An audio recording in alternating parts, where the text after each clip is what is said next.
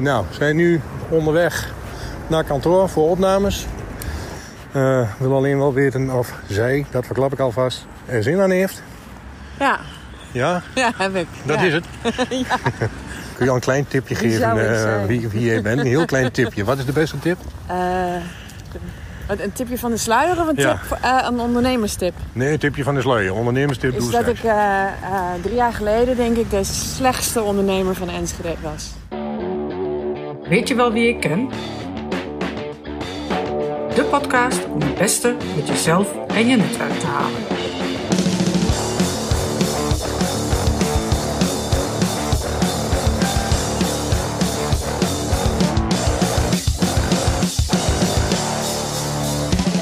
Welkom bij Weet je wel wie ik ken, de podcast om alles uit jezelf en je netwerk te halen. En ik hou mijn intro deze keer kort en geef de bal door naar Rob. En die gaat namelijk onze interview, interviewgast van vandaag voorstellen slash introduceren. Dus eh, Rob, je mag overnemen. Ga ik doen, introduceren inderdaad, voorstellen. Dat laat ik aan haar eh, zelf over. Het tipje had ik al eh, weggegeven. Ehm, ik wil alleen zelf maar even zeggen dat ik het spannend vind. Ehm, omdat, nog weer een tipje, wie ze dan is. Zij wel vaker iemand geïnterviewd heeft. Heel vaak eigenlijk. Eh, en ik hier zit als iemand met nul ervaring. En op zoek ben naar een leuk gesprek. Dus ik hoop ook voor haar dat ik het allemaal goed doe. Eh, en dat ik er niet op afgerekend word. Dat zou een beetje lullig zijn. Ehm, en dan eh, geef ik het woord aan haar om zichzelf voor te stellen. En dan komt de rest van het gesprek, als het goed is, zelf leuk op gang. En ik geef haar precies één zin om zichzelf voor te stellen. Nee, geentje. Ik vond het Ehm, zo makkelijk. Ja, één zin? Nee. Ehm, dus ik leg de bal bij onze interviewgasten van vandaag neer. Oké, nou, ik ben Dorothee Loorbach. Ik ben eh, ondernemer sinds 2006. Eh, sindsdien doe ik ook maar wat, dus ik heb geen idee wanneer het goed is. Dus eh, ik maak me daar helemaal niet druk om. Ehm, ik ben eh, trainer, spreker, schrijver, dagvoorzitter. En eigenlijk doe ik gewoon alles wat ik leuk vind. Ah, De rode draad van wat ik doe is dat ik mensen help om beter te worden in zichzelf zijn. En het lef te hebben om dat te blijven. En dat doe ik met mensen en met bedrijven, merken, van alles. En hoe ben je ondernemer geworden? Ja, dat is een goede vraag. Eh, het korte antwoord is: ehm, ik heb mijn auto in de prak gereden en mijn toenmalige directeur zei: Ik kan je nu een promotie geven of eh, ik kan je eh, je eerste opdracht geven zodat jij je ophoudt met je talent verspillen. Oké, of een andere auto.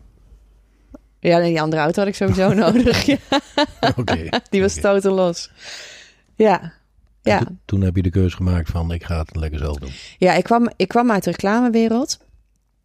En eh, mijn directeuren waren altijd copywriters. En ik vond schrijven altijd heel leuk. Ehm, dus ik wilde heel graag copywriter worden. Ik vond ook altijd dat ik dat vast beter kon dan mijn directeuren. Maar ik mocht het niet doen. En ik mocht ook niet naar klanten. Ehm, dus ik dacht, ja, als ik, eh, als ik iets voor mezelf wil doen, moet ik eerst eh, buitendienstervaring hebben. Dus toen werd ik eh, door een leverancier van het consultancybedrijf waar ik werkte, werd ik benaderd of ik in zijn sales team wilde in de IT.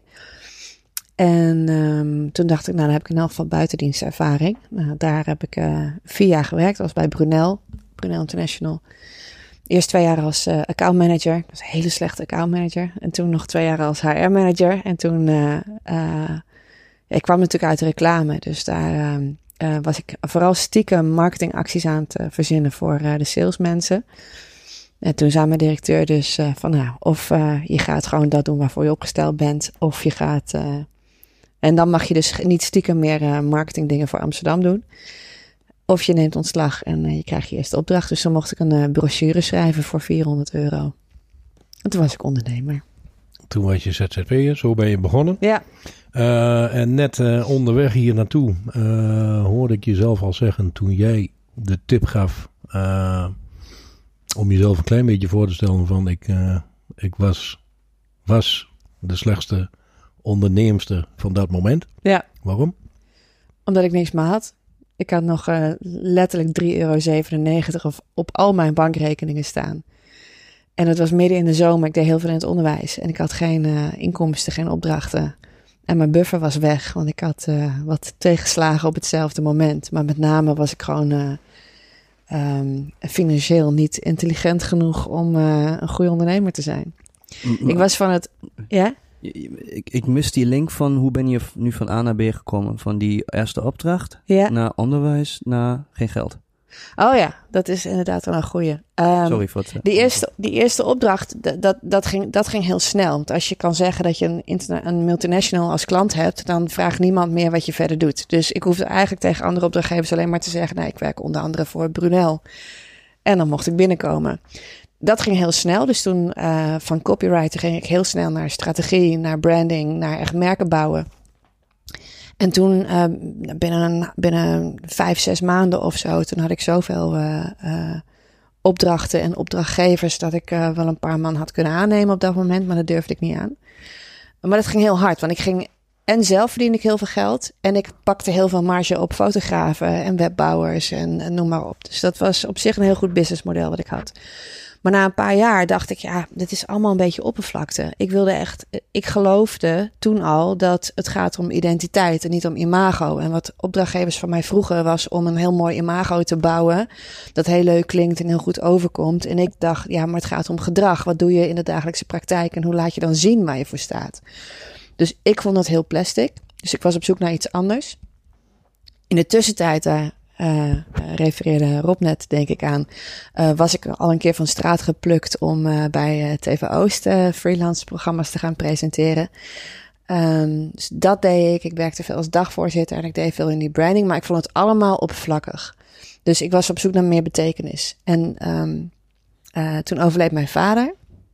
En toen dacht ik, ja, maar ik wil terugkijken. Uit, als ik overlijd, ik weet niet wanneer het is. Dat kan over 40 jaar zijn, maar het kan ook volgende maand zijn. Dan wil ik in elk geval terugkijken op iets wat iets betekend heeft. Dus wat wil ik dan doen? Laat ik beginnen met iets waar ik gelukkig van word.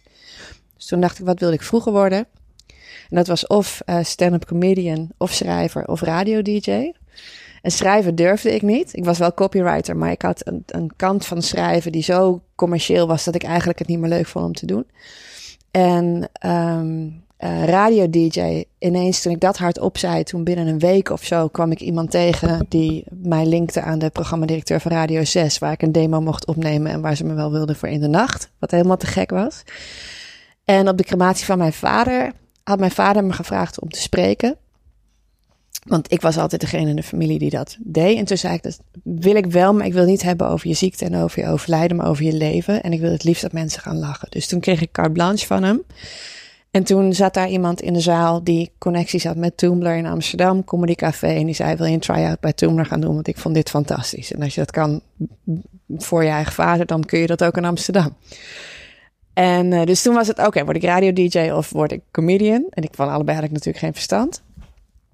En toen kwam ik op de promotie van mijn zusje kwam ik een, uh, een briljante Engelsman tegen, dronken. Uh, die heette Russell en die was al jaren bezig met hoe kun je nou zorgen dat mensen gelukkiger en succesvoller zijn. En toen, uh, toen zei ik tegen hem, ja, maar dit, dit moeten we samen gaan doen. Dit is gewoon een bedrijf en we gaan de wereld veranderen. En uh, toen zijn we een trainingsbureau begonnen. Dat heette Lucid. En dat was het begin van mijn ondergang zakelijk. Want ik, ineens had ik iets waarmee je levens kon veranderen. En dat wilde ik ook wel gratis doen.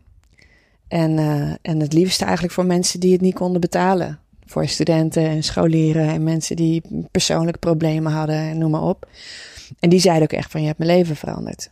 En toen, um, we deden alles gratis of op basis van waardebepaling achteraf, wat te hip was voor Twente.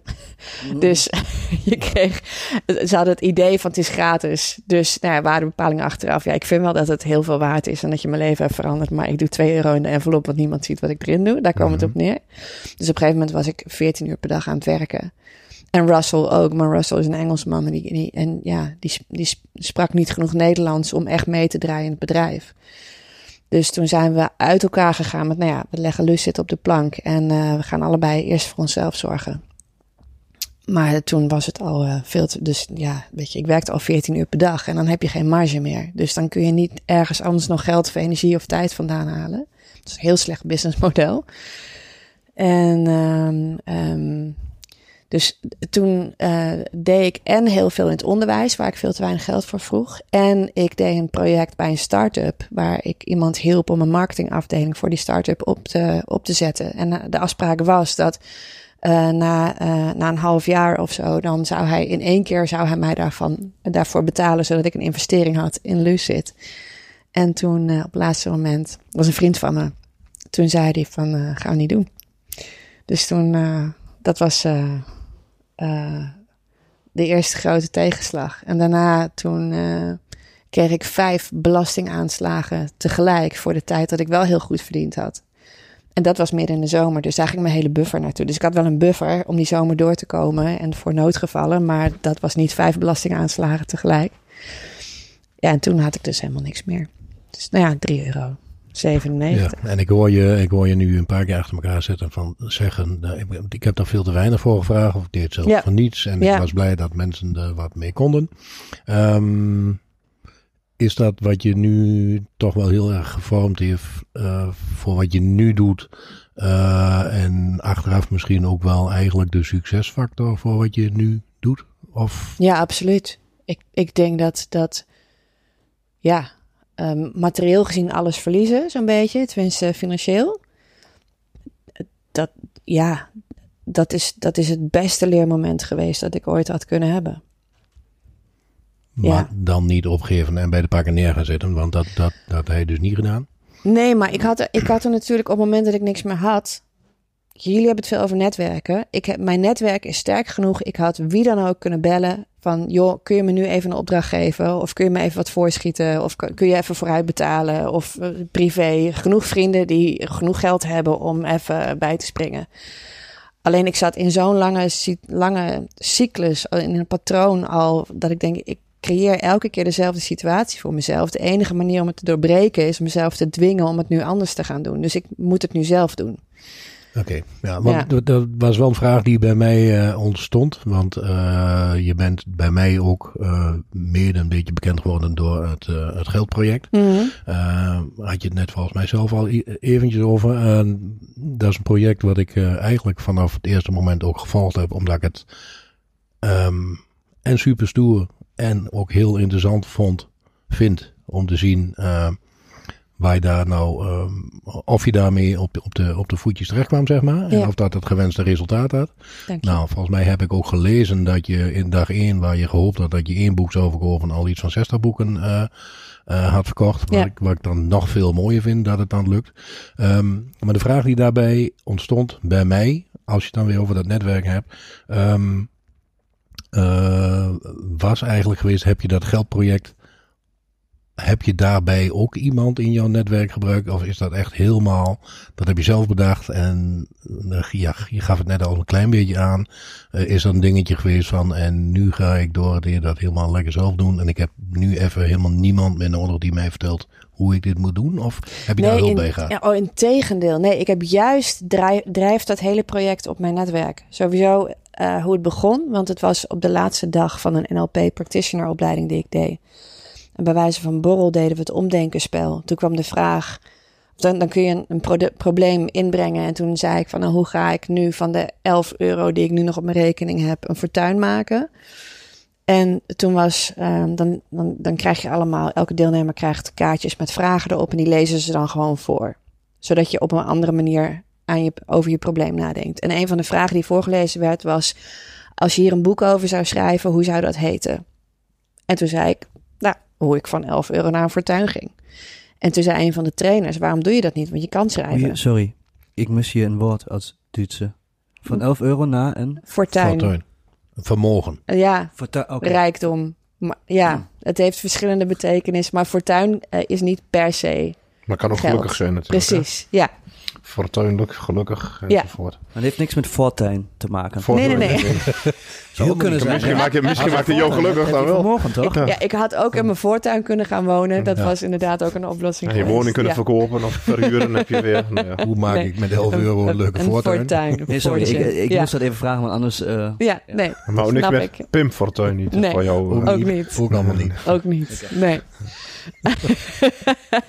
dus uh, hij, zei, hij zei dat. En toen dacht ik, oh, ja, dat, dat kan natuurlijk. En hij zei, hij zei ook van ja, dat boek kun je meteen verkopen. En dan heb je crowdfunding. Dus dat was allemaal zijn, eh, ehm, eh, zijn idee of zijn doorvertaling ervan. Eh, Michel Leusink heet hij van de trainingsboerderij. En, eh, Michiel, voormalig Grols. oh ja? Ja. Kennen jullie elkaar? Getrouwd van, met, getrouwd met Sabine. Sabine. Ja. Sabine, ja. Netwerk, hè? Ja, precies. ja. Ja, We Twente, aan hè? de Penningstraat. Ja, klopt. Ja, dat weet ik dan niet eens. Ik, Nee, ik weet alleen dat zij weer mijn leven veranderd hebben. Dus eh, nee, dat is, daar begon het mee. Ja. Alleen ik durfde dat niet.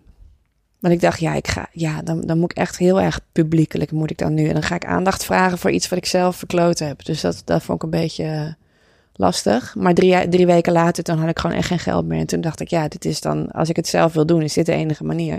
Maar je durfde niet omdat je dacht dat je voor Joker stond? Omdat ik de moeite mee had om eh, daar aandacht voor te vragen. Oké. Verwaarlozing. Verwaarlozing. Ja. Hoe Als, bedoel je? als je weet dat er in de zomer vijf belastingbrieven komen, dan weet je ook, als je verdiend hebt, weet je ook dat je moet betalen. Ja, En dat heb je aan de voorkant wel gepresteerd. Aan de achterkant heb je je back-office niet voor elkaar gehad. ja. Dus verwaarlozing van je plichten ten opzichte van jezelf. Ja, Ja. verwaarlozing. Ja. Ja, maar dat was nog niet eens. Het was nog niet eens zozeer de schaamte, zeg maar, van ik heb dit zelf veroorzaakt. Want ik, ik kende wel heel veel ZZP'ers, dus ik wist ook dat ik waarschijnlijk niet de enige was. Ehm, maar op het moment dat, je zegt van, nou ja, dit is wat, wa- wat er gebeurd is. Ik ga hier een boek over schrijven. Ik ga mijn netwerk inzetten, alles leren wat er te leren valt. En wil je mijn boek kopen? Toen, ik vond het heel moeilijk om daar dan aandacht voor te vragen. Om dat zichtbaar te maken. Niet zozeer de schaamte, maar meer van, kijk mij eens zielig doen of zo, weet je wel. Terwijl ik dit zelf veroorzaakt heb. Dus daar had ik heel veel moeite mee. Zelfmedelijden. Ja, zo, kon het, zo zou het kunnen overkomen. Dat ik dacht, ja, ik kan dit ook gewoon in stilte oplossen. Ja. Het hoeft niet per se eh, voor het oog van anderen of zo. Vind jij faillissement een, eh, een vreemd kwalijk woord? Nee, ja, ik weet niet of het het juiste woord is, maar ik vind, ik vind, eh, nee. En ik denk dat het ook heel, heel Calvinistisch Hollands is om te denken dat een faillissement falen is, überhaupt. Ik denk, je, als je in Amerika failliet gaat, dan krijg je de tweede of de zesde keer krijg je veel makkelijker een lening, want dan heb je waarschijnlijk al heel veel geleerd. Leergeld betaald. Ja, toch? Correct. Dus ehm, nee, dus in mijn geval is dat, is dat hetzelfde geweest. ja. Duidelijk. Ja. Ik denk überhaupt dat je het meest, of ik, dat ik het meest leer van mijn eigen falen. Want dat zijn de momenten dat je gedwongen wordt om te groeien. En die reacties waar je bang voor was, want ehm, dat zeg je dan. Ik was bang voor de reacties en dat ze mij misschien wel zielig vonden. Of weet ik veel wat je, wat je allemaal dacht. Nou, niet zozeer voor de reacties, maar voor, om mezelf eh, zo in de spotlight te zetten, zeg maar.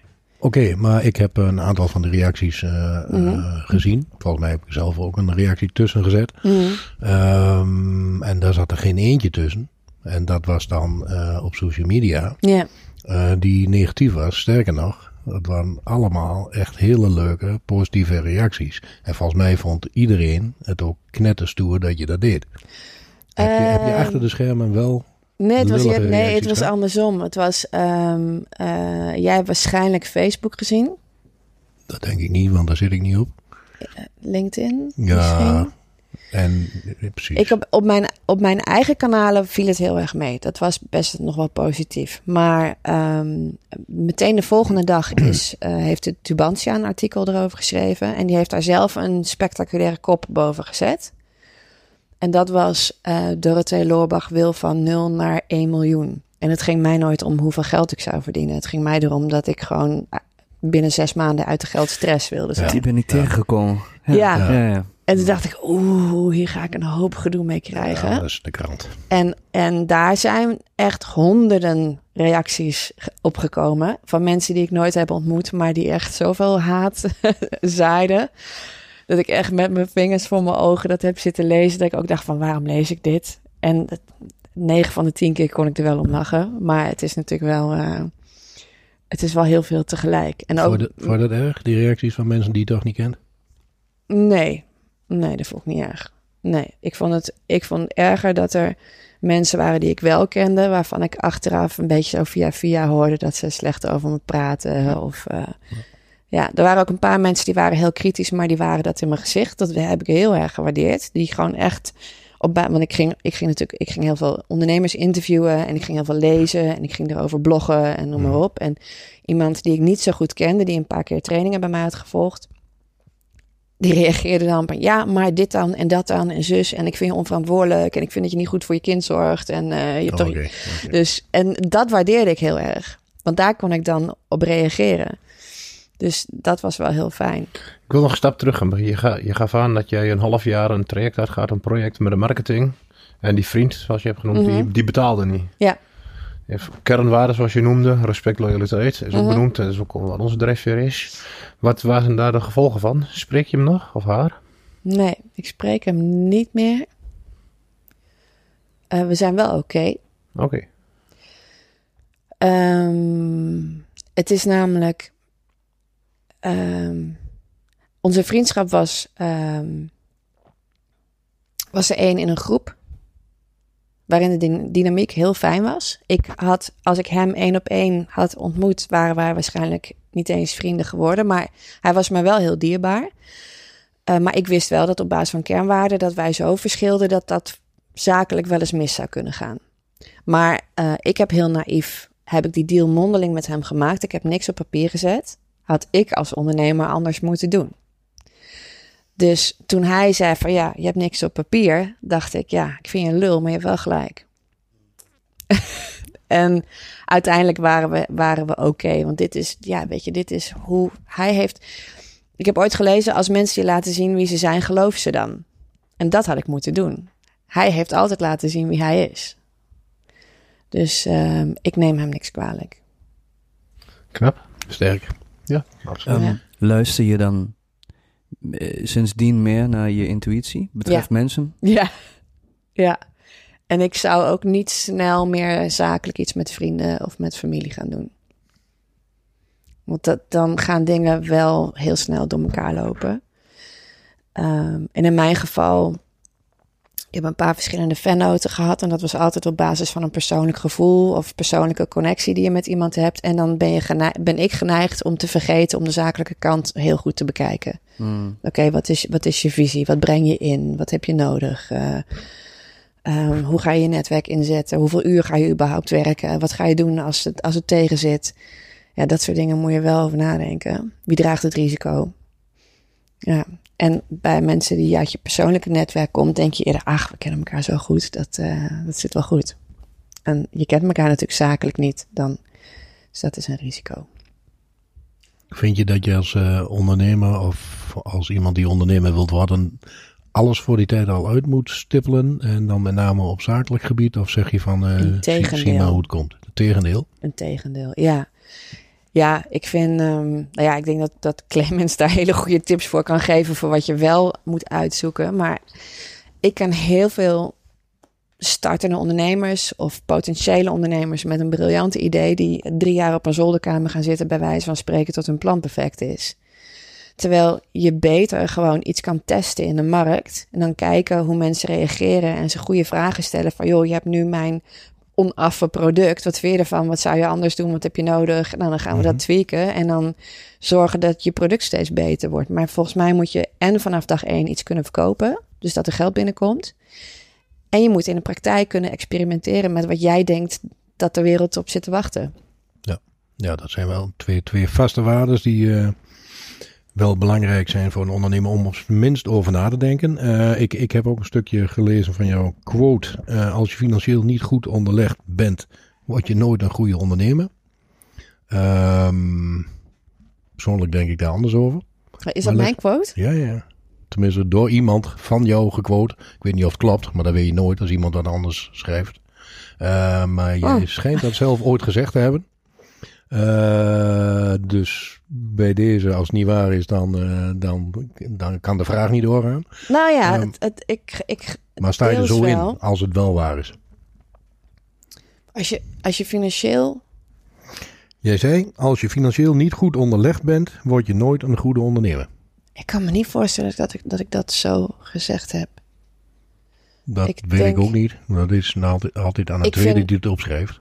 Ja, ik, ehm, ehm, ik vind wel dat als je eh, niet zorgt voor die financiële kant, dat je geen goede on- ondernemer kunt zijn. Maar wat die financiële kant is, weet je, je hoeft niet financieel erg onderlegd te zijn, maar dat ben ik ook niet. Ik ben blij dat ik mijn omzetbelasting aangifte kan doen. En verder eh, ben ik heel blij dat ik een goed uh, accountantskantoor heb. Um, uh, maar ik denk wel dat je moet uh, inzien um, dat je überhaupt dat je winst moet maken. Dat je moet kunnen groeien. En dat wat jij doet iets waard is. En op het moment dat jij jezelf voorhoudt als ondernemer, geld is voor mij niet belangrijk, dan voor je het weet is geld het belangrijkste wat er is. Mm, daar wil ik inhaken. Uh, en daar heb jij een hele shift in gedaan. Van die ja. uh, onderwijsdingen, uh, ja. waar, je, waar je daar helemaal geen belang bij hebt gehad om winst te maken, naar ja. winst toe. Ja. en je zegt van, um, je hebt vaak nu gezegd, je hebt heel veel dingen gelezen, je hebt geblogd. wat heb je gelezen? Wie heb je gevolgd? Wat, wat was je input om dit te veranderen? Want het zit natuurlijk wel ook ergens, soms bijna voor een deel in je onderbewustzijn, diep Mhm. vast. En hoe krijg je dat los? Wie heeft Ja. je daarbij geholpen? Wat was de input? Nou, dat is wel grappig, want alles wat ik heb gelezen heeft me niet geholpen om mijn overtuigingen te veranderen. Dus ik kan je heel veel eh, eh, titels van boeken en podcasts en van alles kan ik je geven. En wij zijn uitzondering, hè? Maar In deze podcast, dat je even. Na vandaag. Na vandaag verandert de wereld. Ja. ja, ehm, Sorry. ja, ik, ik, ik, ja. Nee, ik dacht, ik dacht als ik meer als ik andere informatie tot me neem, dus die financiële intelligentie vergroten, dan ga ik me ge- intelligenter gedragen. Maar als je een negatieve overtuiging ergens van hebt, dan gaat anders denken je gedrag niet per se veranderen. Dan zal je daar eerst moeten kijken, oké, welke overtuiging dient me wel? Welk gedrag hoort daar dan bij? Vervolgens ga je dat gedrag vertonen en dat zo vaak doen dat je elke keer de bevestiging krijgt van, oké, dit- dit is beter voor me. En vervolgens verandert je overtuiging. Dus je creëert bewust ervaringen die dat veranderen. Ja, Ja, ja, ja. Ehm, want ik had eh, in 2013 heb ik namelijk al 3000 euro betaald voor een weekend financial freedom bij Open Circles. En daarin stond alles wat ik daarna in al die 40 boeken of zo die ik heb gelezen, alsnog heb gelezen. Maar het landde niet, omdat het alleen maar in mijn brein, in mijn mentale stuk zat. Dus ik kan het ook reproduceren. Ik zou jou zo kunnen vertellen wat moet je allemaal doen om financieel succesvoller te worden. Maar op het moment dat jij een overtuiging hebt van nou geld, geld mag niet belangrijk zijn. Of ik ben een slecht mens als ik te veel geld verdien. Of er mag niet te veel op mijn bankrekening staan. Of ik mag niet in een te groot huis wonen. Of wat dan ook. Dan blijft dat jou beperken. En dat zul je misschien in je gedrag niet altijd bewust doen. Maar je zal jezelf ergens gaan saboteren omdat die overtuiging eronder ligt. Mhm. En welke ervaring heb je gemaakt dan? Of creëerd? Eh, Ik kwam eerst. ehm ehm, even denken hoor, waar het begon. Ik heb eerst de overtuiging veranderd dat geld niet belangrijk mag zijn. Want als je heel veel wil geven, dan moet je iets te geven hebben. En op het moment dat je zelf ehm, geen geld hebt, dan heb je ook geen energie en geen tijd. En komen de ideeën niet. En heb je überhaupt niet de bandbreedte om wat voor wie dan ook te doen. Want dan zit je in overleefstand. En het gaat er meer om van wat, wat zou je doen als je geld had. Het is niet zo dat geld je een slecht persoon maakt. Maar als je een slecht persoon was zonder geld, zul je dat met geld ook zijn. En als je een goed persoon bent, als je blut bent, zul je dat nog steeds zijn als je geld hebt. Dus als ik veel geld zou hebben, zou ik daar goede dingen mee doen. Denk ik. Ehm, en iets. ehm, ehm, ik realiseerde me dat eh, eh, mensen zeggen altijd: eh, tijd is geld, maar geld is ook tijd. En tijd is het meest waardevolle voor mij persoonlijk. Tijd met mijn dierbaren en tijd voor mezelf en tijd om het te ontwikkelen en om niks te doen of wat dan ook. En dat, dat, die luxe heb je alleen maar als je genoeg geld hebt, anders moet je altijd werken. En ik werkte ehm, ehm, voor. ehm, ik, ik, ik kon zo eh, zeven dagen investeren in iets waar ik 200 euro voor betaald kreeg, voor een fles wijn. Ja, en dan moet je dat heel vaak doen. Dus dan ben je al je tijd weer kwijt. En dan heb je ook weer niks te geven. Dus dat ben ik gaan omrekenen. Ik dacht, ja, dan kan ik beter gewoon tien keer zoveel vragen. En dan heb ik en heel veel tijd. En dan creëer ik heel veel waarde. Dus dan zorg ik gewoon dat wat ik doe, dat dat waard is. Dus daar kwam dan bij dat, dat, dat, dat, dat er een waardeperceptie aan vastzit. Dus waarom vraag ik te weinig? Is dat omdat ik zogenaamd een moderne hippie ben of omdat ik mijn eigen waarde niet zie? Want voor alle dingen die ik daarvoor deed, ik kon met gemak, kon ik voor een weekje werken in de marketing 30, 40.000 euro vragen. Maar zodra ik iemands leven ging veranderen, wilde ik daar geen geld meer voor hebben. Hmm. Dus het was eigenlijk heel dubbel, heel hypocriet van me. Dus voor het een vroeg ik heel veel geld en voor het ander vroeg ik juist niks en kostte het me geld. Maar hoe heb je dat opgelost? Dat, door welke ervaringen heb je gecreëerd dat dat echt, echt is veranderd? Omdat, het, omdat je zegt dat het niet door die boeken is eh, Ja. veranderd, of de in, input. Ik vind het heel spannend, want wij gaven nu heel diep Mhm. eh, op dat vlak. Ja, Ehm, waar ja, de meeste dingen, ook die ik heb gelezen, ik, ik hou ook heel erg van het onderwerp, ja, wa- wa- waar, waar, je- waar je uiteindelijk toch niet zoveel uit kunt halen. Ja. ja. Nou, ehm, Maar dan ga je er nu ook even vanuit, sorry dat ik je onderbreek, dat het al veranderd is. Dat weet je niet. Is het al veranderd? ja, maar pas Goeie vraag. heel, pas heel recent. Want ik zou dat boek zou ik binnen een jaar af hebben en dat eh, ben ik nu al drie jaar mee bezig. Omdat er in die drie jaar ook zo. Ik ga elke keer een laag dieper. En in het begin was het een soort van, werd het een soort van kopie van alle managementboeken die ik had gelezen over geld. Met eh, tips over. Nou ja, over eh, hoe je meer verdient en minder uitgeeft en beter investeert en meer overhoudt en eh, Mhm. profit first-achtige dingen en zo. En, ehm, en daarna kwam het besef van het gaat eigenlijk nooit over geld. Het gaat, in mijn geval ging het allemaal over waarde, over eigen waarde en waardeperceptie. En eh, wat durf je ergens voor te vragen en hoe groot durf je überhaupt te worden. En ik kwam tot het besef dat ik mijn eigen geldproblemen elke keer zelf had gecreëerd. Ook omdat ik niet groter durfde te worden. Maar ja, dan wordt het alweer heel intiem en persoonlijk en zo. Dus dat, dat, dat zit voor een deel wel verweven in dat boek. Maar dan heb je het over heel andere dingen. Hmm. Dus ehm, eh, het, het, begon, het andere gedrag begon met ehm, dat ik toen ik, eh, toen ik uit, stopte met in loondienst werken, toen was ik eigenlijk al, eh, zat ik al op het randje van een burn-out. En eh, was de relatie met de vader van mijn dochter was op het eindpunt. En alles kwam een beetje samen. En toen kwam dat ongeluk. En toen kwam dat aanbod. En toen ineens, ik wilde weg van alles waar ik was. Dus toen was eh, beginnen als ZZP'er was een soort van bevrijding. Het was ergens vandaan. Vluggedrag. Ja, en toen moest alles leuk zijn. Dus dat was ook hoe ik met mijn geld omging. Ik ging spontaan naar Cuba. Ik ging spontaan naar alle festivals. Ik ging allemaal leuke dingen doen. Het moest allemaal leuk zijn. En alles was vluchtig en vluchten, inderdaad. En uiteindelijk ehm, werd mijn leven daar niet leuk van. Dus ik ging, maakte op een gegeven moment een switch van. ehm, ja, in het Engels is het heel. Is het, het is van fun naar joy. Dus van, van plezier naar vreugde, zeg maar. Ik wilde naar vreugde. Ik wilde duurzaam leuke dingen. en daarvoor was ander gedrag nodig. Dus toen ging ik me steeds meer afvragen. op het moment dat ik bijvoorbeeld geld uitgaf. of, of ehm, ergens geld mee kon verdienen, vroeg ik mezelf af: oké, wat wil ik nu en wat wil ik het liefst? En wat wil ik nu is het fun, het leuk. En wat wil ik het liefst is het duurzame. En dan wordt het makkelijker om bepaalde keuzes te maken. Dus dan, dan gaf ik bijvoorbeeld geld ergens niet aan uit, omdat ik liever graag eerder mijn hypotheek wilde aflossen. Of ik vroeg ergens meer geld voor, omdat ik dan liever één keer een hele grote klus deed voor veel geld. Dan dat ik honderd kleine klusjes moest doen en mezelf helemaal over de kop werkte en mijn eigen kinderen niet zag opgroeien. Dus Maar wat is nu... ehm, ehm, want ik snap wel wat je zegt. En ik, heb ook meegekregen waar je dan vandaan komt. En ik Mhm. kan wel een klein beetje bedenken hoe die eh, switch is gekomen.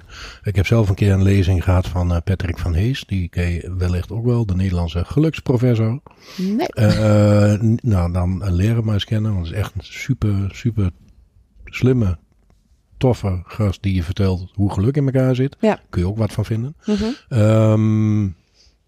Eh, maar die vertelde, en ik geloof daar ook heilig in, want ik zit net als eh, ook Alex daar zelf, ben daar eigenlijk constant mee bezig van wat, waar gaat het dan nu eigenlijk om? En zoals eigenlijk iedereen daar wel eens mee bezig is.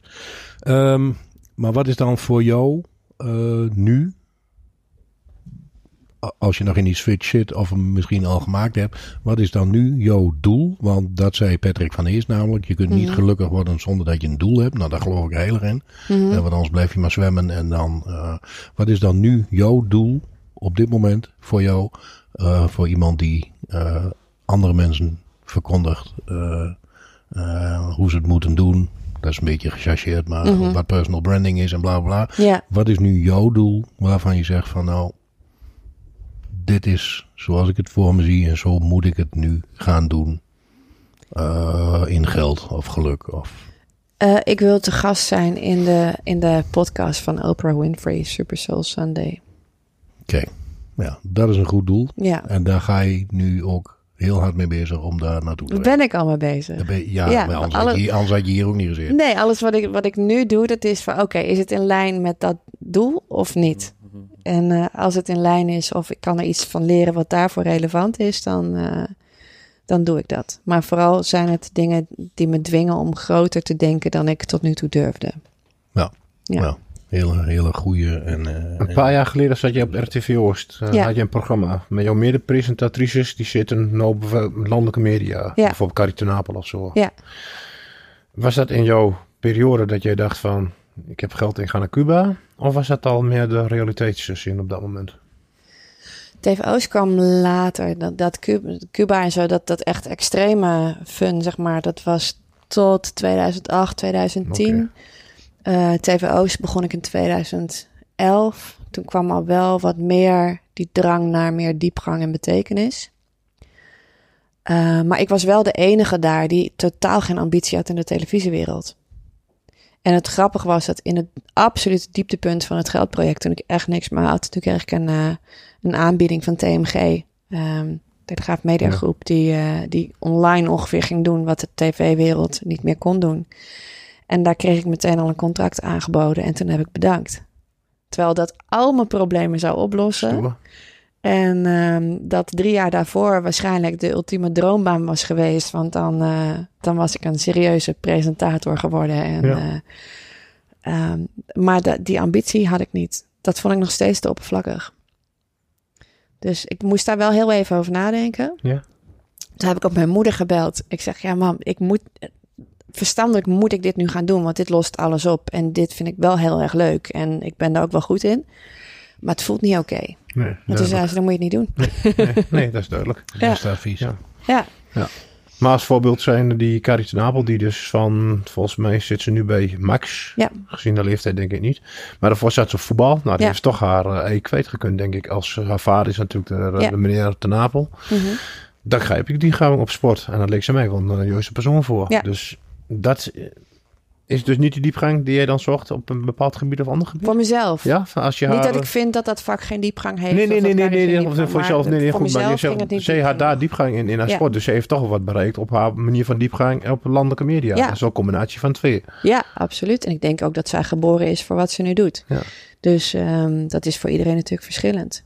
Maar voor, voor mij. Voor jou was- was dat niet de diepgang. Nee, voor mij zit het echt in eh, schrijven en spreken. Netjes. En dat spreken waar je, wat je nu eh, veelvuldig doet, en zometeen ook weer, heb ik van je begrepen.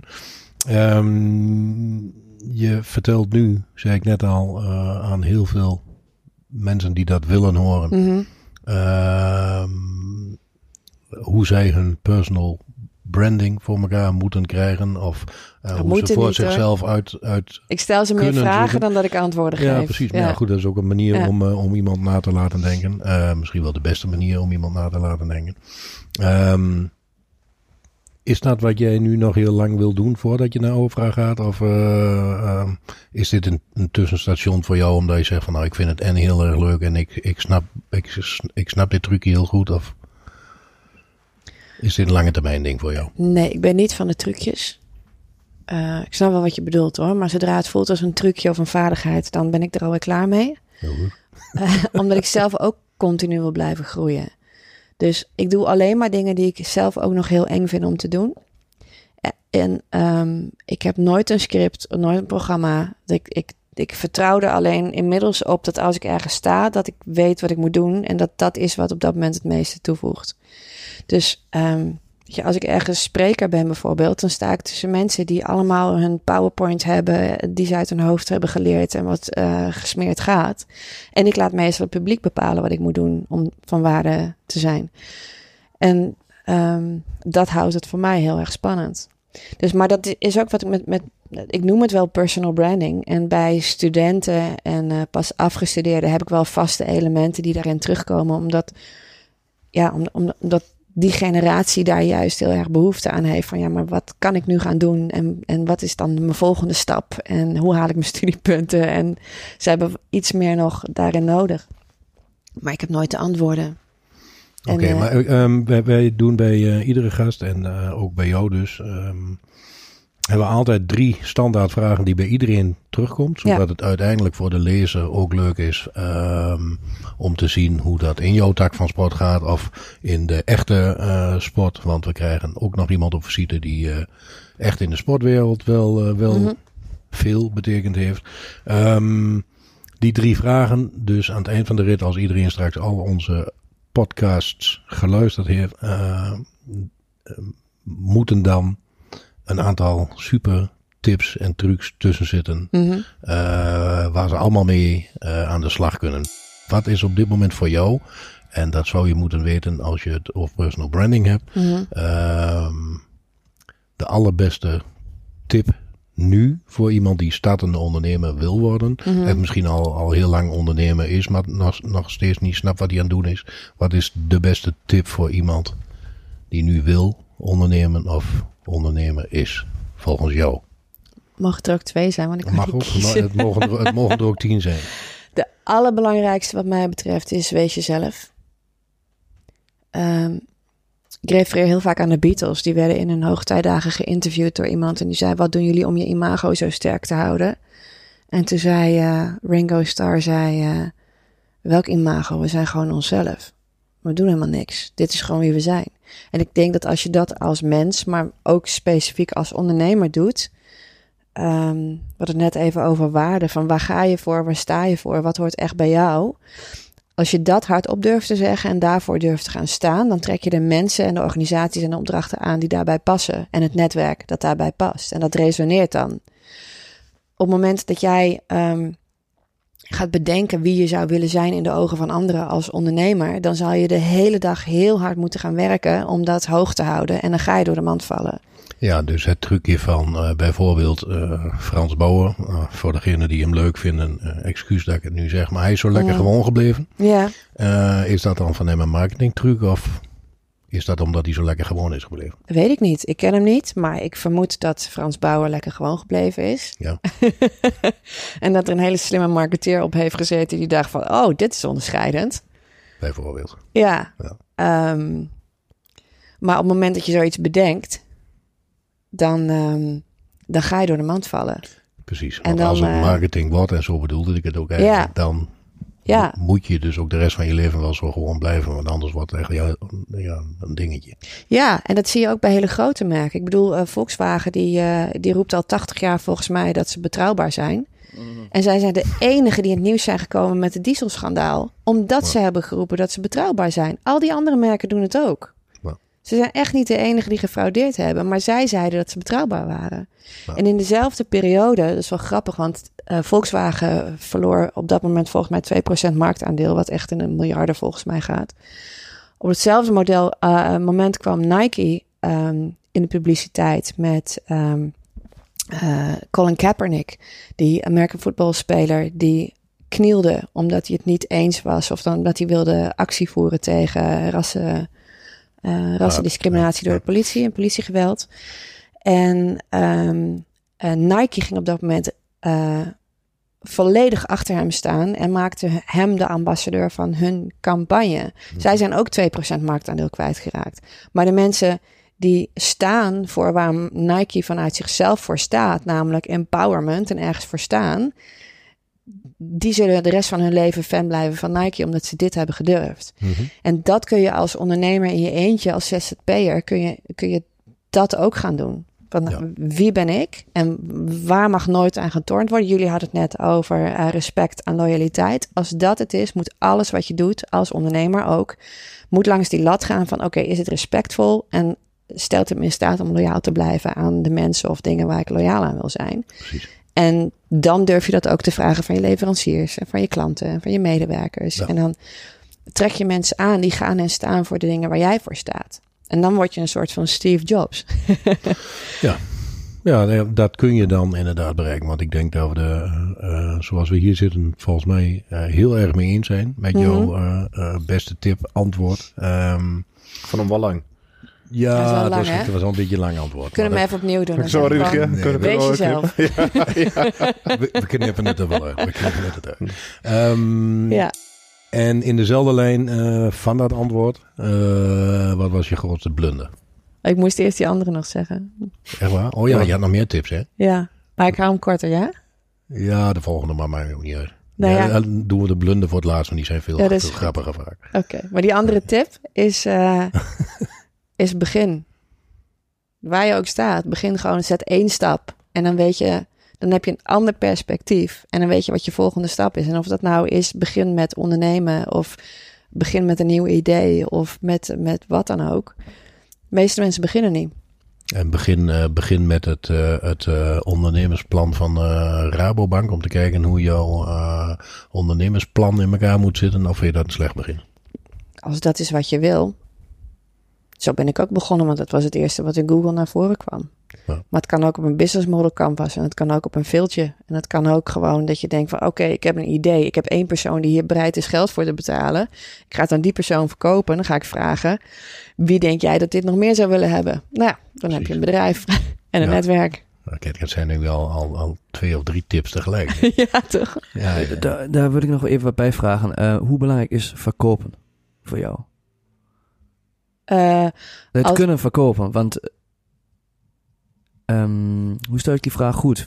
Niet verkopen in die zin van altijd... Ik, ik, ik wil iets echt letterlijk verkopen... maar je moet je eigenlijk heel vaak in het leven verkopen, hè? Ook als je uitgaat uit, op een date... dan ga je jezelf verkopen, hè? ja, maar daar gaat Ja. het dus meestal mis. Oké. Ja, Maar denk je wel. dat verkopen dan dus niet, niet belangrijk is? Of juist wel? Nee, Of- ik vind dat we moeten ophouden met onszelf verkopen. Mhm. Want op het moment dat jij jezelf durft te zijn, dan, dan heb je een match met iemand of iets, of je hebt het niet. Mhm. En op, eh, nou ja, ik, wel leuk dat je daten noemt. Wat, wat ik mensen altijd zie doen bij een eerste date, is de leukste versie van zichzelf uithangen. Mhm. De Volkswagen spelen, weet je wel? Ik ben betrouwbaar. En, en vervolgens dan gaat de ander gaat dat ook doen. En dan hoop je dat de ander jou leuk vindt. Dus alles wat je op de eerste date doet, is om maar te zorgen dat de ander jou leuk vindt. Terwijl het veel gezonder zou zijn om te kijken van oké, hebben wij een match? Jij bent leuk, ik ben leuk, maar zijn we leuk voor elkaar? En zou ik over twintig jaar nog steeds naast jou wakker willen worden of niet? Of zou ik jou een week mijn hond durven toevertrouwen als ik weg moet of niet? Dat soort dingen. Ehm, op het moment dat je gewoon kijkt of er een match is, dan hoef je niks meer te verkopen. Maar als je doel is om jezelf te verkopen, dan ga je jezelf aanpassen aan wat je denkt dat de ander zou willen. En dan heb je altijd een compromis. En als er echt een match is, dan heb je. Ehm, dan winnen, winnen beide kanten. Ja, ja, ik snap, ik ben het met je eens. Maar alsnog, als je lekker je ding doet, Ja. ehm, je gaat een product eh, on- eh, opzetten. Sorry dat ik een beetje nu eh, een extra rondje draai. Ja, ik, vind wel- Ja, ik vind een beetje, een beetje we, raar. we knippen hem er wel uit. Ja, dat geeft helemaal niks. Ja. Je, je ontwikkelt een, een, een, ehm, een product of eh, een, je levert een dienst die heel duurzaam is. En je doet het allemaal omdat je het lekker, ehm, omdat het lekker jezelf, je, je bent lekker jezelf daarbij, weet je. Mhm. Maar je zoekt geen klanten of mensen die daar blij van worden. Dus die komen dan in principe dan vanzelf als het. Nee, dat denk ik niet. Dus je moet toch wel ook verkopen. Ik, ik, ik, ik vraag ja, het, ik in vraag die het zin. Ja. nou ja, je moet, je, la- je moet jezelf laten zien en hardop zeggen wat je wilt. Mhm, En wat je kunt. En wat je kunt. Ja, dat absoluut. mhm. Ja.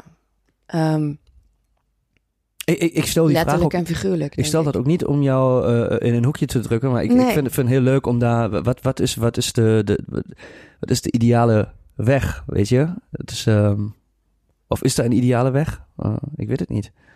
Nou, Of, is ehm, het, eh, of is het het woord verkopen wat gewoon nee, misschien niet je, klopt? Ik, ik denk dat de meeste startende ondernemers bezig zijn met: oké, hoe word ik interessant voor iedereen? Hmm. En die gaan dan iedereen nemen als doelgroep. En dan raak je helemaal niemand. En die zijn aan het verkopen. Uh, maar op het moment dat jij kiest van oké, dit is wie ik ben, dit is waar mijn kracht ligt en hier ligt mijn onderscheidend vermogen en hier kan ik waarde toevoegen en dit kan ik als product of als dienst verkopen, dan spreek je een, kleine, een, een kleinere populatie aan, maar wel misschien op 100 procent. Mm. En dat zijn de mensen die je moet hebben. Bedoel, jij vertelde net over een, over een project dat je specifiek doet voor muzikanten die op tournee zijn. Dat is een niche waar je heel veel kan betekenen, omdat jij zelf muzikant bent die daar verstand van heeft en die wat kan toevoegen en dezelfde ervaringen heeft. Dus jullie begrijpen elkaar. Mm.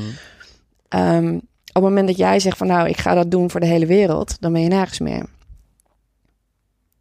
Dat klopt. Ja. Dus Ja, zo, ja. alsnog denk ik dat het terugkomt bij word beter in jezelf zijn. En trek de mensen aan die daarbij passen. En dat is dan je doelgroep. Mm, mm. Is dat een antwoord op je vraag of niet? Nee, niet helemaal hè? ja, maar het wordt veel, dat beeld wordt eh, veel, veel, ehm, wie zegt man? Wie zegt man? Klarer? Zeg je in. Duits? Duidelijker, ja. Het wordt veel, ja. ja. Ja, nee, ik had een, een mo- moeilijke vraag, want het, eh, jezelf zijn gaf jij net eh, als tip. Maar moet je dan ook als ondernemer op het moment dat jij graag jezelf wilt zijn, al niet voordat je begint glashelder hebben ehm, waar je dan zelf zo goed in bent en Mhm. wat jouw bedrijfsplan op dat is voordat je jezelf bent? Of zoek je dat na die tijd wel uit? Wat vind je zelf? Ik denk dat het een doorlopend proces is. Ik denk überhaupt dat het hele leven een groot experiment is. En, ehm, en daarom zei ik ook, zet die eerste stap. Want bij elke stap is het weer anders. Ik had... ehm, Maar zet je ook die eerste stap al als je nog niet overtuigd bent van jezelf, vind je? Of moet je dan nog even wachten? ja, nee, zeker niet wachten. Nee, doe het vooral als je bang bent. Dat is volgens mij de definitie van moed. Het is niet de afwezigheid van angst. Dus nee, zet gewoon die eerste stap. Ook al heb je geen idee waar je mee bezig bent. En dan heb je er wat van geleerd. En dan kun je bijsturen. Maar als je niks doet, kun je ook niet bijsturen. Nee. Nee. Dus ik zou gewoon zorgen dat je zoveel mogelijk op je bek gaat. En misschien ga je wel niet op je bek. Nou, ik, de, wat mij betreft hele waarde- waardevolle eh, antwoorden voor ons, voor mij eh, en voor heel veel mensen die nu zitten te luisteren. Ik hoop het. Eh, blijf, nou ja, daar ben ik wel van overtuigd eigenlijk. Blijft nog wel. ehm, mijn enorme vraag naar die grootste blunder van jou natuurlijk, want dat is natuurlijk gewoon hartstikke interessant. Wat was jouw grootste blunder? In jouw zakelijk ja, leven. dat, dat was natuurlijk wat leidde tot het geldproject. En is dan- geen, geen geld, geen, niet de waarde vragen voor wat ik leverde. Maar dan vind je het dus een blunder dat je dingen voor niets deed en dat je er geen geld voor vroeg. Dat vind je een blunder? De combinatie van alles. Kijk, het feit dat ik, ik vond het geld niet belangrijk mocht zijn. Eh, dus wist ik er ook te weinig van af. Dus nam ik heel veel risico's. Dus ehm, eh, vertrouwde ik blind op, eh, op boekhouders die zeiden: je moet alles zo lang mogelijk uitstellen. Kijk er maar niet naar, doe ik wel voor je. En eh, dat soort advies. Dat zijn de beste, ja. Ja. Dat zijn de, ja, dat zijn, de, dat zijn de jongens. Ja, dat doe ik altijd. Drie achter de dan weet je in ieder geval, in ieder geval geleefd. ja, zo. Ja, ehm, Warmbaar, ja. dus Ik voel me niet aangesproken. hoor. Nee, ik had van jou verwacht dat je had gezegd, ah Klim, doe maar, maar van, van jullie hier een beetje ondersteuning. Maar, ja, nee. nee, ik, ik weet nou wat zit. Ja, ik, zit nou, ik zit nou in het hoekje van jou. doe maar. Ja, de- Ja.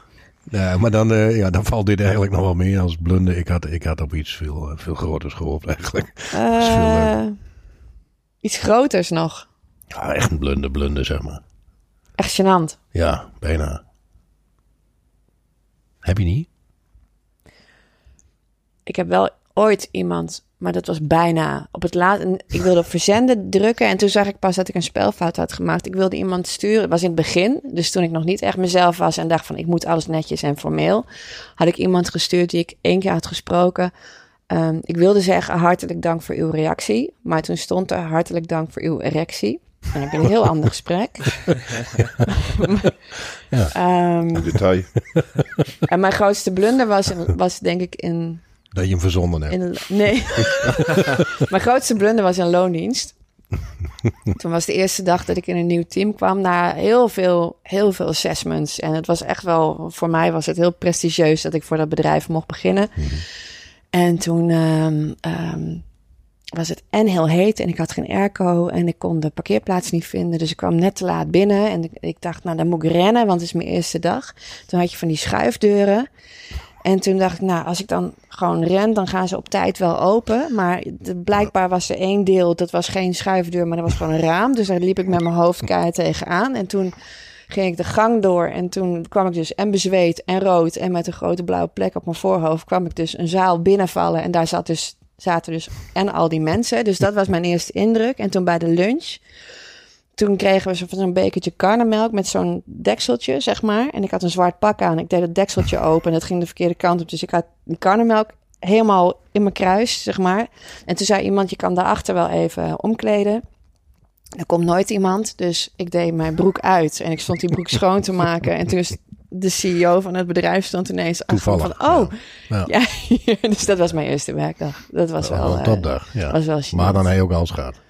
Dan Ja. wordt het daarna alleen maar beter. Ja. nou ja, weet je, ik ging natuurlijk eh, op straat toen wij hier naartoe liepen, ging ik al bijna op mijn bek. Dat, ge- dat Ik gebeurt mij tien keer per beginnen. dag. Dus wat voor andere mensen gênante dingen zijn, zijn voor mij gewoon dagelijkse dingen. Oké, nou, dit viel nog wel mee hoor. Dus ehm, ja. Goed. Weet dat- wie je kent, dus dat zitten we nu een beetje bij elkaar eh, af te stemmen. Mhm. En je had Oprah Winfrey. Ja. Als je dat combineert met elkaar, heb je daar een idee bij? Weet wie je kent. Ja. En bij Oprah terechtkomen, hoe je links of rechtsom, hoe je wilt. Heb je daar een idee bij? Ga je bellen of ga je mailen? Of... Mijn eh, plan nu is om. ehm, ik ben nu bezig met twee boeken. Om die zo goed te schrijven dat ze heel succesvol worden. En dat ze internationaal worden uitgegeven. En dat ik op basis van die boeken op andere podia kom als spreker. En ik ben nu al internationaal meer als spreker word ik gevraagd op basis van die TED Talk. Dus dat, dat is al heel fijn.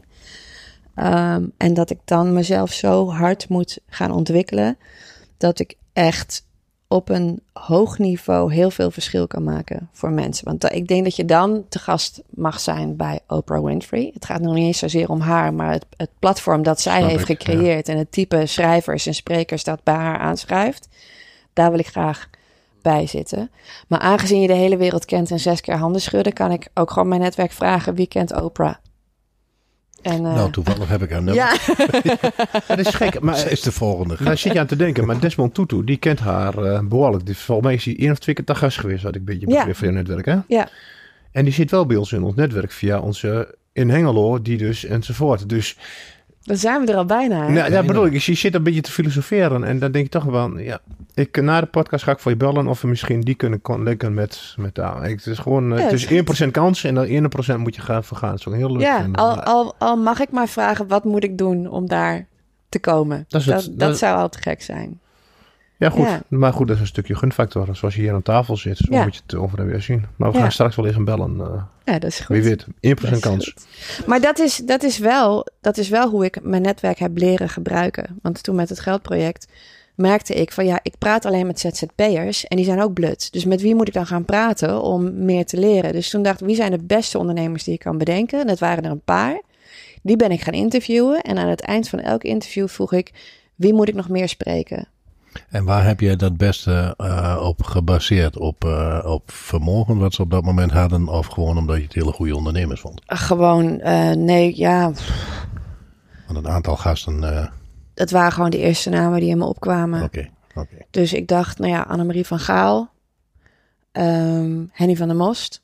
Niet per se mensen op wie ik zou willen lijken of wiens werkwijze dat ik zou niet. kopiëren. Maar wel dat ik denk, oké, die hebben maatschappelijk heel bereikt. veel bereikt, Ja, wat ja. ik niet heb bereikt. Dus daar kan ik wat van leren. Oh. Eh, Marco Arnink van uh, Drukwerkdeal. Ehm, Herman Kok, voormalig eigenaar van InPerson.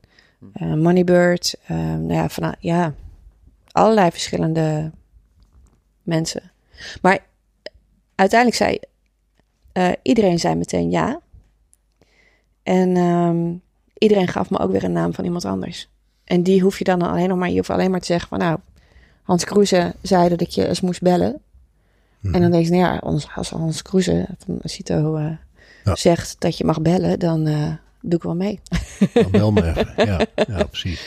Ja, Ja, dat is wel waar, waar in onze beleving netwerken ook eh, ehm, allemaal omgaat. En dan kun je ook zien hoe snel of je bij iemand terecht uh, kunt komen. Een van onze podcasts is onze bedoeling. Gaat straks ook over de Six Degrees of Separation. Wat je Mhm. niet onbekend Ja. is.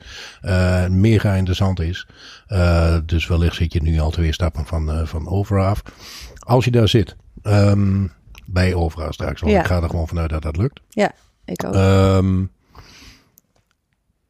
wat is dan jouw manier van mensen helpen? Want dat zeg ik, dat is wat je wilt straks in het heel groot, à la Tony Mm. Robbins, of zit je op een ander niveau? Eh, nee, heel, nee, heel anders. Ik heb, ik heb groot respect voor wat Tony Robbins heeft neergezet. Maar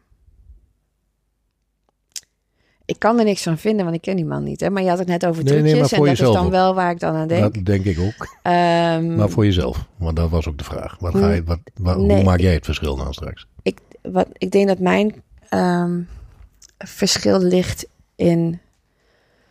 ehm, nee, op dit moment is het echt dat mensen naar de essentie van zichzelf krijgen en dat ze, het, dat ze de durf krijgen om dat te laten zien. En waar dat is tegen de tijd dat ik bij Oprah zit, weet ik niet. Want ik ontwikkel me ook elke dag. En ik heb nu sinds een, een jaar ben ik pas echt aan het schrijven. En ik merk dat als ik schrijf, dan kom ik dan kom ik op een bewustzijnsniveau waar ik met mijn hoofd niet bij kan. Dus waar dat me kan brengen, weet ik zelf ook niet. Oké. Ja, dan is een van de vaste drie vragen voor jou uh, een moeilijke waarschijnlijk om antwoord op te geven. Als je dat al niet hebt gedaan, van waar zie je dan uiteindelijk jezelf straks staan als je later groot bent? Dus je hebt jouw uh, mooie carrière erop zitten en je hebt tussen nu en vijf jaar, heb ik je ook Mhm. gelezen, wil je financieel uh, onafhankelijk zijn. Nou, als je bij Overa zit, dan ben je dat wel. Um, wat is dan je volgende stap of ben je er dan? Uh, waar zie jij jezelf straks als je klaar bent? Nou ja, ik, dat is grappig dat Clemens net zegt Desmond Tutu als opstapje naar Oprah. Maar voor mij zou het andersom zijn. Zou Desmond Tutu zou een veel, vele malen hoger opstapje zijn dan Oprah Winfrey. Of uh, Kofi Annan. Of uh, als je op het niveau waar mensen echt verschil maken in de wereld. En in hoe mensen um, kijken überhaupt naar hun idee van werkelijkheid. En goed en kwaad en dat soort dingen. Dan, ja, dan heb je het wel over dat kaliber, denk ik. Um, ja, je zei uh, financieel onafhankelijk in vijf jaar. Ook dat is wel veranderd. Um,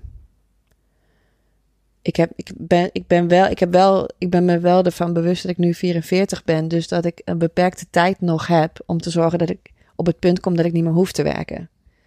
Maar ik ben nu al wel voor een deel met pensioen, omdat ik maximaal 28 uur in de week wil werken. Omdat ik mm -hmm. tijd wil overhouden, omdat dat mijn grootste, dat grootste goed wel, is. Ja, ja precies. Dus, ja. dus dat beeld dat ik had van, nou, als ik dan klaar ben met werken, dan heb ik meer tijd. Dat heb ik nu al vervroegd naar, nee, ik, heb, ik zorg nu dat ik meer tijd heb. Ik zorg er wel voor. Ja. Dus ik ben al, ik heb dat, dat fortuin heb ik al. Um, ja, dus uh, ik denk dat uh, uh, een kop koffie drinken met Desmond Tutu dan. uh, maar dan heeft jouw toekomstplaatje um, dan eigenlijk niets meer met ondernemen te maken. Dus dan kunnen we van het hele ondernemers en het hele netwerkverhaal een beetje afstappen. jouw toekomst is gewoon dat je de wereld en de mensen die daarin wonen een stukje beter maakt. Ja. Of ze nou ondernemer zijn of niet. Ja. Dan heb je nou wel wat te doen. Ja. Drukke baan, toch weer dan. Ja. nou ja, tot voor kort wilde ik het onderwijs nog veranderen. En, okay. en, en, sinds ik uh, ayahuasca heb gedaan, hoeft dat ook niet meer. Want ik denk dat alles oké okay is zoals het is. En dat het niet mijn taak is uh, om iets te veranderen. Het gaat er denk ik meer om welke verandering ik binnen mijn wereld breng. Mm -hmm. En of die nou op het niveau van de, van de VN zit of in mijn eigen straat, dat uh, zien we dan wel. Daar maakt niet zoveel meer uit. Ja. Ik heb uh, nog één vraagje uh, wel over ondernemen, want en de duurzaamheid, daar, daar hebben we het over gehad. Dat is ook een waarde binnen ons clubje hier. want ik ben daar ook iedere dag mee bezig. Mhm. Mm -hmm. um, duurzaam ondernemen. En nu we het toch ondernemen hebben, over ondernemen hebben. Je zit in de raad van bestuur volgens mij van Pure Energy. Nou, nee, niet in de raad van bestuur van Pure Energie. Pure Energie heeft een eh, fonds. Oh, zo spreek je het ook uit, pure energie? Ja. Oh, ik ben veel te trendy. Ja, nee, nee maar ze, de- er zijn ook logo's rondgegaan met het Engelse. Toch wel? Ja, dat klopt. Maar er is een pure energiefonds. En dat fonds zet zich in eh, voor het creëren van een betere wereld. En daar betaalt pure energie als bedrijf eh, elk jaar eh, voor. Mhm. En ik ben een van de bestuursleden in het fonds die dat geld mag verdelen. Oké, word je daarvoor betaald? Goed zo. Oké, dus dit is een ding Nee, alleen puur onkosten. vanuit Ja. jezelf, Ja. omdat je dit graag wilt. Ja. En zie je pure energie straks ook als een marketingtool? Of zijn dat mensen die echt eh, ook willen zorgen dat alles wat duurzamer wordt? Of is, zit daar misschien ook wel iets van commercie achter? Wat denk je zelf? Ik denk dat het eh, 80% commercie is. Maar het feit dat het de meeste, groen, meest groene e- energieleverancier van Nederland is, maakt het al bijzonder. En ik ben zelf ook, ik zat bij een minder duurzame leverancier en ik ben Mhm. zelf ook overgestapt. Want ik vind ook dat als ik in het fonds zit en als ik zelf inderdaad elke dag op mijn manier met duurzaamheid bezig ben, dan moet ik wel het beste alternatief kiezen. Dus het kan altijd schoner. En, ehm, en misschien kunnen ze wel meer doen om de wereld mooier te maken. Maar het feit ehm, dat, ze, dat hun energie puur is en dat er ook nog een fonds is dat echt verschil maakt eh, voor kleinere projecten ehm, die de wereld mooier maken, dat eh, vind ik op dit moment genoeg. Oké, maar is dat niet dan ook een hele goede tip voor alle startende ondernemers op het moment dat je nu nog gaat ondernemen, zorg dat het duurzaam is? Of vind je dat niet aan de orde? Ja, zeker wel. Al, al gaat het je om geld. Ik sprak laatst met een eh, futuroloog. En hadden we het over de effecten van Brexit. En over het feit dat in 2035 dat alle indexfondsen niet meer zoveel waard zijn. Dus ik was net begonnen met investeren. En toen vertelde hij me dit. Dus ik ging met hem in gesprek.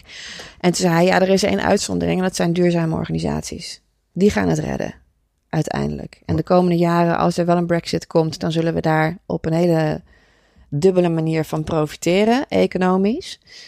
Ehm, maar ja, weet je, aan de ene kant denk ik, ja, wel, we, zijn, we hebben altijd gefocust op welvaart, maar laten we eens gaan kijken naar welzijn. Maar als je dan toch dat stukje welvaart voor jezelf goed wil hebben, eh, investeer dan in duurzame organisaties. En dan word je er ook nog financieel rijker van. Dus eigenlijk net andersom. Ja. Ja, het maakt niet zoveel uit. Weet je. Vol- volgens mij, als je al, al, al, al doe je uit, ehm, eh, uit hebzucht zucht of uit puur drang om materieel ergens beter van te worden, iets goeds, dan doe je nog steeds iets goeds. Dus mij maakt het niet uit of je het doet omdat je er geld mee wil verdienen of dat je de wereld mooier wil maken. Als je maar zorgt dat de je- wereld. Als je maar mooier maakt. Precies. Ik snap het antwoord. Als je maar niet slechter maakt. Ja. Nee, precies. ja. Als de intentie er is. Ja, ja, maar ja, dat is de vraag, hè? Wil, wil je een goede intentie met een slecht effect, of wil je een slechte intentie met een goed effect? Ja, Ik denk ja, dat het allebei belangrijk is, uiteindelijk. ja. Ah, als het erop neerkomt dat je inderdaad alles net ietsje beter maakt, dan maakt het uiteindelijk niet zo heel veel uit. Als Ja. je dan aan het eind van de rit ook maar zorgt dat het beter is. Ja. Inderdaad. Ja, Ehm, wij zijn volgens mij al een heel tijd op gang. Ik heb een afs- soort van afsluitende vraag. Ik, of ik weet niet of je het afsluitend wilt noemen, maar ik, heb, Mhm. ik ga toch nog een keer vragen. We breiden er toch langzaam een eind aan, dus dat is Ja, een ja. mooie afsluitende vraag. Ehm, ik wil toch nog wel even wat inspiratiebronnen van jou horen. Waar je, Mhm. de- je bent die vraag namelijk ontweken. eh, van, en, en Oh. het hoeft niet met het geldproject te maken te hebben. eh, Mhm. ehm, te maken hebben. Eh, wat je hebt gelezen of wat je hebt je geïnspireerd. Misschien zijn er dingen die nu Mhm. heel erg, eh, dus misschien ook duurzaamheid. eh, wat, wat zijn boeken of podcasts of dingen die je echt, echt ehm, kunt aanbevelen aan de Mhm. luisteraar, waar die, of, ja, waar die wat aan kan hebben? Ehm, en het mogen uiteraard ook je eigen twee boeken zijn die je eh, aan het schrijven bent. Ja, ja. Ja. vind ik wel. Ja. Dus eh, ja, ben ik heel benieuwd naar. Oké. Ehm, nou, wat ik qua geldboeken het meest inspirerend vond, denk ik, is De Rijkste Man van Babylon. Mhm. Het is een heel oud boek. Heel simpel, als, een beetje als een, als een parabel is het verteld. Maar alle lessen over geld zitten er wel in. Ehm, puur praktisch zou je Profit First kunnen lezen. Dat is een doorvertaling eigenlijk daarvan. Ehm, en dat is puur wat je, wat je oma vroeger ook deed met huishoudpotjes. Is dat je moet gewoon eerst dingen opzij zetten die belangrijk zijn. En dan kun je je rekeningen betalen. En als je het andersom doet, blijft er nooit wat over. Daar komt het eigenlijk op neer. Ehm, verder, het laatste boek dat diepe indruk op me heeft gemaakt is Man's Search for Meaning van Viktor Frankl. Weense psychotherapeut die vier concentratiekampen heeft overleefd. En zijn belangrijkste idee ehm, was dat het uiteindelijk niet gaat om de omstandigheden waar je in zit, maar hoe je daarnaar kijkt en hoe je ermee omgaat. Ehm, en hij refereert weer heel erg aan Nietzsche, die zei van je kan bijna elke hoe overleven als je maar een waarom hebt die je drijft. Ehm, ik onderstreep altijd dingen in boeken. En dat, dat heel, het is een heel dun boekje. En ik heb op een gegeven moment ben ik gestopt omdat ik elke zin aan het onderstrepen was. Ehm, A Course in Miracles is een boek waar ik gewoon uh, niet doorheen kwam, omdat elke pagina zoveel inzichten heeft dat ik dacht van, wow. En nu ben ik heel veel aan het lezen over, uh, over kwantumfysica en de en de, de, over de vlakken waar spiritualiteit en wetenschap elkaar raken. Mm. Over hoe, wat, wat is realiteit en wat is perceptie en hoeveel invloed heb je daarop en hoe maakbaar is het bestaan. Stephen Hawkins. Ook, ook wel, maar hij, hij pakt meer de wetenschappelijke kant. En ehm, Ken je Joey Dispenza? ja. Ja. Ja. Overtuig jezelf Ja. was het eerste boek dat ik echt las over, eh, Alright, cool. over die raakvlakken, zeg maar. Hmm. Ja, en ik ben nu bezig met eh, de hele olifant in beeld. Ja. En ik ben me aan het verdiepen in, ehm in vrijmetselarij. Daar komt heel veel samen van een religie, wetenschap, spiritualiteit. En ja, dus, een podcast vroeg je nog. Van Tim Ferriss heb ik geleerd om slim te werken in plaats van hard te werken. Tim Ferriss Show. Ja, Tim Ferriss Show. Ehm, de, eh, de- hij heeft verschillende shows op Ja. verschillende eh, plekken. Maar Russell Brand vind ik echt de meest briljante denker van dit moment. Ehm, Jay Shetty is denk ik heel leuk als je begint als ondernemer. Ehm,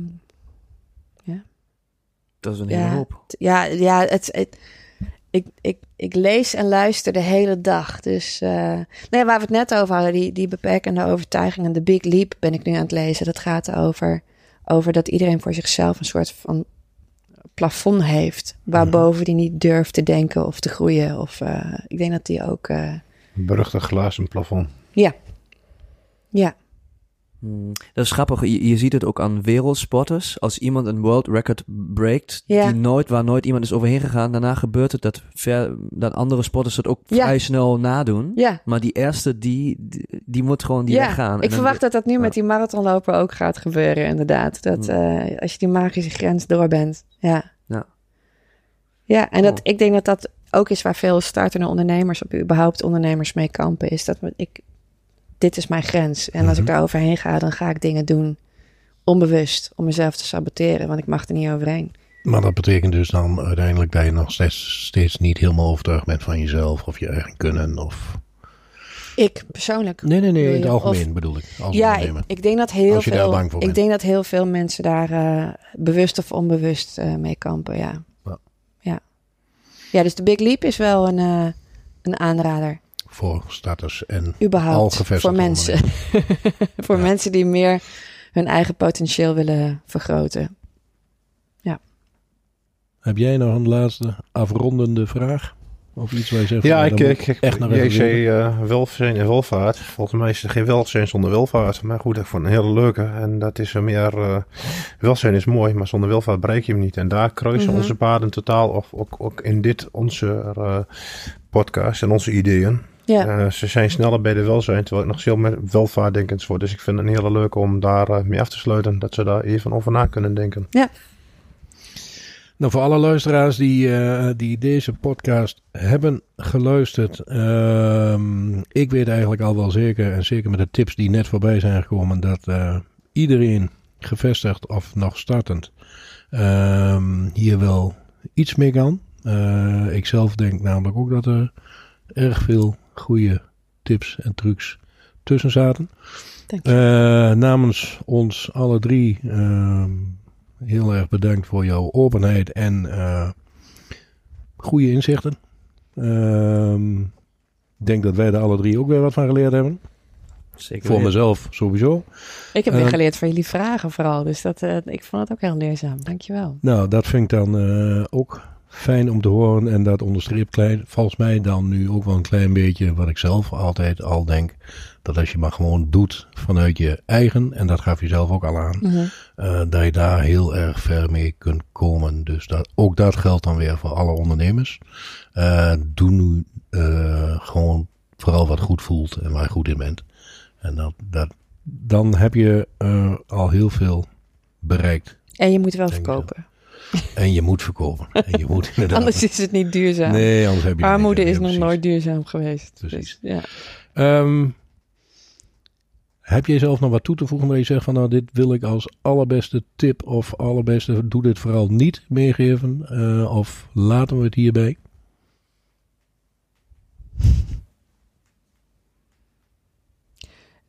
Denk vooral niet dat wat ik zeg waar is.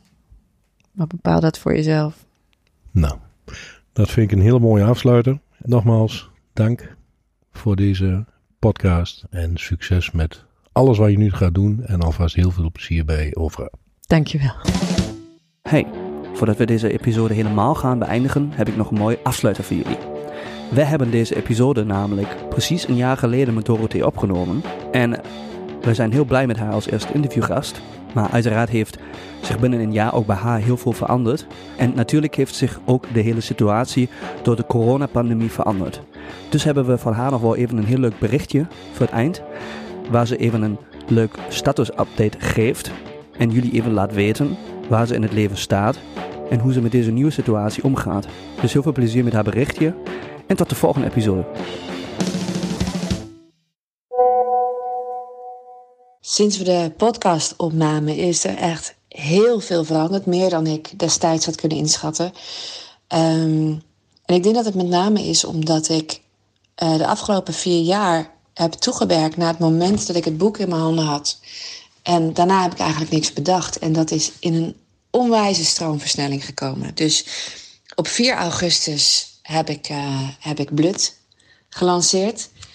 Ehm, ik had gehoopt dat er 20 mensen naar de boekpresentatie zouden komen. Maar na een week of twee hebben we met 150 aanwezigen eh, de reservering dicht moeten gooien. Het was echt afgeladen vol. Ik heb heel veel boeken verkocht op de presentatie zelf.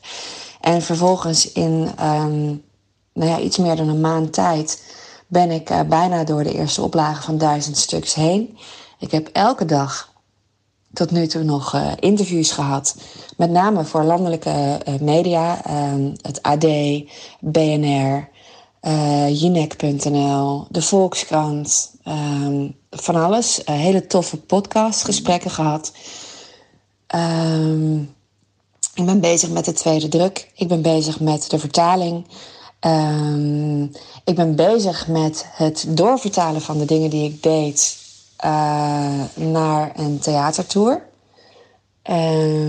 Die waarschijnlijk 100% eh geïmproviseerd zal zijn. En waar ik eh, muziek bij wil en poëzie. En nou, dat heb ik verder nog helemaal niet uitgedacht. Ehm, maar ja, deels ook in het kader van Never Waste a Good Crisis. De theaters zijn leeg. Maar mensen willen nog wel steeds met elkaar in verbinding zijn en het hebben over essentie. En de meeste mensen willen volgens mij echt niet terug naar het oude normaal, naar hoe het was voor corona. Ehm, dus daar wil ik wat mee doen. En ik werk veel met millennials, ehm, die nu eenzamer en meer verloren zijn dan ooit. Dus eh, ik geef op dit moment eh, nog steeds ehm, sessies ehm, die eigenlijk neerkomen op jezelf durven zijn. Ik ben bezig met het tweede boek. Ik ben al bezig met een derde boek. Eh, die, zijn, eh, eh, die gaan nog een laag dieper dan, dan Blood. En ik merk dat ehm, ik krijg heel veel reacties van mensen die Blood aan het lezen zijn en die heel gul zijn in het delen van hun inzichten. Of vervolgens het boek weer gaan kopen voor vrienden die ze dan gunnen dat ze dezelfde inzichten hebben of op een andere manier worden wakker geschud of gestimuleerd om, uh, om hun perspectieven te verbreden op hun leven en op zichzelf en op de relatie die ze met zichzelf hebben.